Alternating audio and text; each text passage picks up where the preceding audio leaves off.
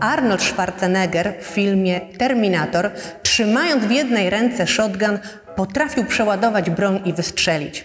Czy w rzeczywistości jest to możliwe? Można boleśnie się przekonać, czując dotkliwy ból odrzutu przy niedociśniętej do ramienia broni. Lepiej zatem strzelać pod czujnym okiem fachowca na strzelnicy. Równie ważne jest, aby skonsultować z zawodowym pełnomocnikiem treść umowy spółki z ograniczoną odpowiedzialnością. Najlepiej przed jej zawarciem. Po co? Aby nie zostać jej więźniem i aby nie okazało się, że nie można bez szwanku się z niej wydostać. Posłuchaj, co wspólnego ma scena z Terminatora z umowami spółki z OO. Powiązanie nie jest przypadkowe. To zależy. Proste odpowiedzi na złożone pytania dotyczące zagadnień prawnych i podatkowych w biznesie. Nazywam się Milana Krzemień, jestem adwokatem i wspólnie z zespołem naszej kancelarii założyliśmy w bieżącym roku ponad 30 spółek z OO, a jeszcze więcej trafiło do nas wspólników w konflikcie po samodzielnym stworzeniu umowy spółki. Stąd w dzisiejszym odcinku opowiem Ci, co zrobić, aby nie zostać więźniem własnej spółki i uniknąć wielu stresujących sytuacji przy wyjściu jednego ze wspólników. W tym miejscu zapraszam Cię do subskrypcji kanału To Zależy. Kliknij w dzwoneczek poniżej. Bardzo często biznes rodzi się i równie często kończy w związku z przyjaźnią. Zwykle wygląda to tak. Dwóch przyjaciół postanawia założyć razem spółkę. Najchętniej spółkę z ograniczoną odpowiedzialnością. Każdy z nich obejmuje po 50% udziałów, wspólnie powołani są do zarządu i wspólnie reprezentują spółkę. Po dość krótkim czasie orientują się jednak, że każdy z nich ma inny styl pracy, inne oczekiwania, inne priorytety. A co łącznie powoduje frustrację, spadek zaangażowania oraz niechęć do dalszej współpracy. Wówczas okazuje się, że ten idealnie równy przyjacielski podział kompetencyjno-majątkowy w spółce doprowadził do całkowitego klinczu decyzyjnego. Niewiele bowiem osób przy zawiązywaniu umowy spółki zastanawia się, w jaki sposób będzie się mogło z niej wycofać. Teoretycznie jest to możliwe, na przykład poprzez sprzedaż swoich udziałów albo ich umorzenie. O tym zwykle decydują postanowienia umowy spółki. Zredagowanie ich zatem w sposób właściwy jest kluczem do poczucia własnego bezpieczeństwa. Często przedsiębiorcy korzystają z uniwersalnych wzorów umów spółek dostępnych w sieci internet. Nie zdają sobie jednak sprawy z konsekwencji konkretnych postanowień zawartych w ich treści. A co gorsza, nie wiedzą, czego w nich brakuje. Najczęściej to właśnie nieświadomość braku w umowie określonych postanowień umownych powoduje przykre niespodzianki. W praktyce jest to o wiele bardziej skomplikowane.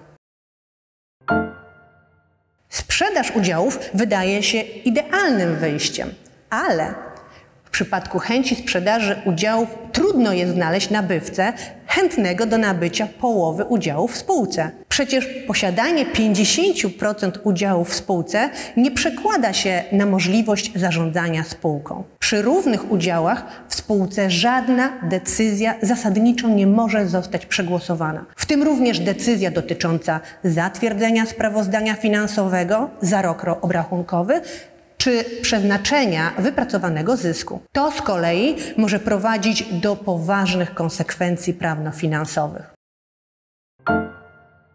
Zobaczmy, czy takie proste jest umorzenie udziałów. W drugim przypadku na umorzenie udziałów wspólnika chcącego opuścić spółkę wymagana jest zgoda wspólników w drodze uchwały. Przy równej ilości głosów istnieje ryzyko, że uchwała nie zostanie podjęta, jeśli drugi ze wspólników zagłosuje przeciwko niej celu uniknięcia sytuacji, w której wspólnik dożywotnio w niej pozostaje, warto wprowadzić do umowy klauzulę zwaną shotgun, wciąż mało znaną i rzadko stosowaną.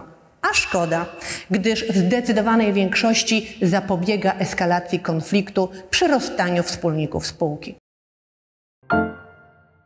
Shotgun okazuje się wyjściem z niejednej konfliktowej sytuacji. Przy czym, w odróżnieniu od terminatora, dla spółek z OO i ich wspólników to pokojowe rozwiązanie uspokajające ich nerwy i zmniejszające stres. Shotgun w tym przypadku to klauzula polegająca na tym, że każdy ze wspólników ma prawo złożyć drugiemu wspólnikowi ofertę odkupu własnych udziałów z zaproponowaną ceną. Z kolei wspólnik, który taką ofertę otrzymał, ma dwie opcje.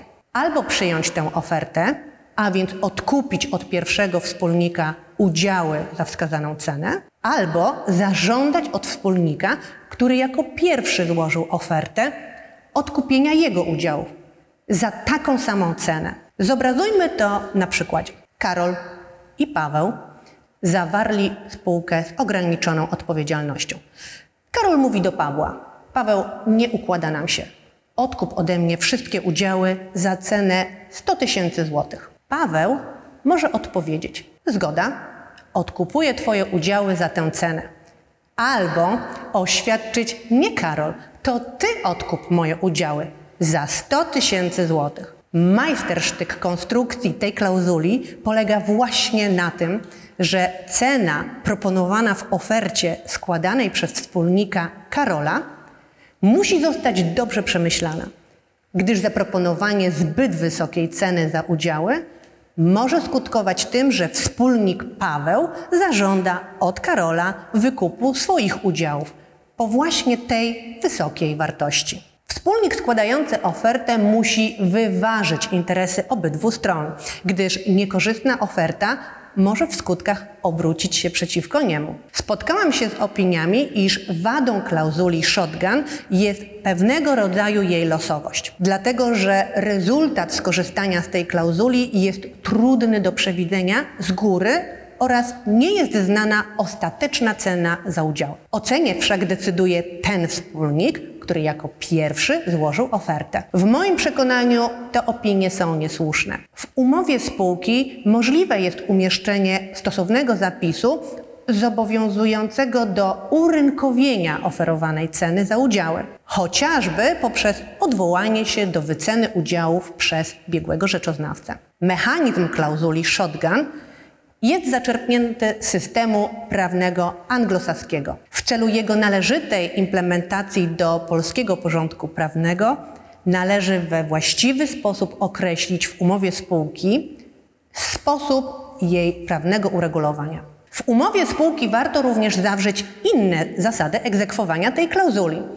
Aby zbyć udziały w spółce, konieczne jest złożenie oświadczenia w formie pisemnej z podpisami notarialnie poświadczonymi. Należy zatem wprowadzić do treści umowy odpowiednie zapisy motywujące niesubordynowanego wspólnika, aby stawił się w kancelarii notarialnej i złożył swoje oświadczenia. W swojej praktyce wielokrotnie doradzałam klientom przy zawiązywaniu przyjacielskich spółek z ograniczoną odpowiedzialnością właśnie z użyciem klauzuli shotgun. Jak dotąd nie zdarzyło się, aby sądy rejestrowe Krajowego Rejestru Sądowego kwestionowały zapisy umowne dotyczące tej klauzuli. Co więcej, wiem o dwóch sytuacjach, kiedy z postanowień tej klauzuli skorzystano co zapewniło szybkie rozstanie wspólników bez niepotrzebnej eskalacji konfliktu. Jeśli ten materiał jest dla Ciebie wartościowy, zostaw proszę kciuk w górę. Chcesz się dowiedzieć więcej na temat klauzuli shotgun? Dodaj komentarz do odcinka poniżej lub zajrzyj na blog pod adresem www.kzlegal.pl, gdzie znajdziesz bogatą bazę wiedzy o prowadzeniu bezpiecznego i skutecznego biznesu. Dziękuję Ci za uwagę i zapraszam na kolejny odcinek już za tydzień. To zależy. Proste odpowiedzi na złożone pytania dotyczące zagadnień prawnych i podatkowych w biznesie. Zasubskrybuj ten kanał i aby spersonalizować powiadomienia, kliknij dzwoneczek poniżej.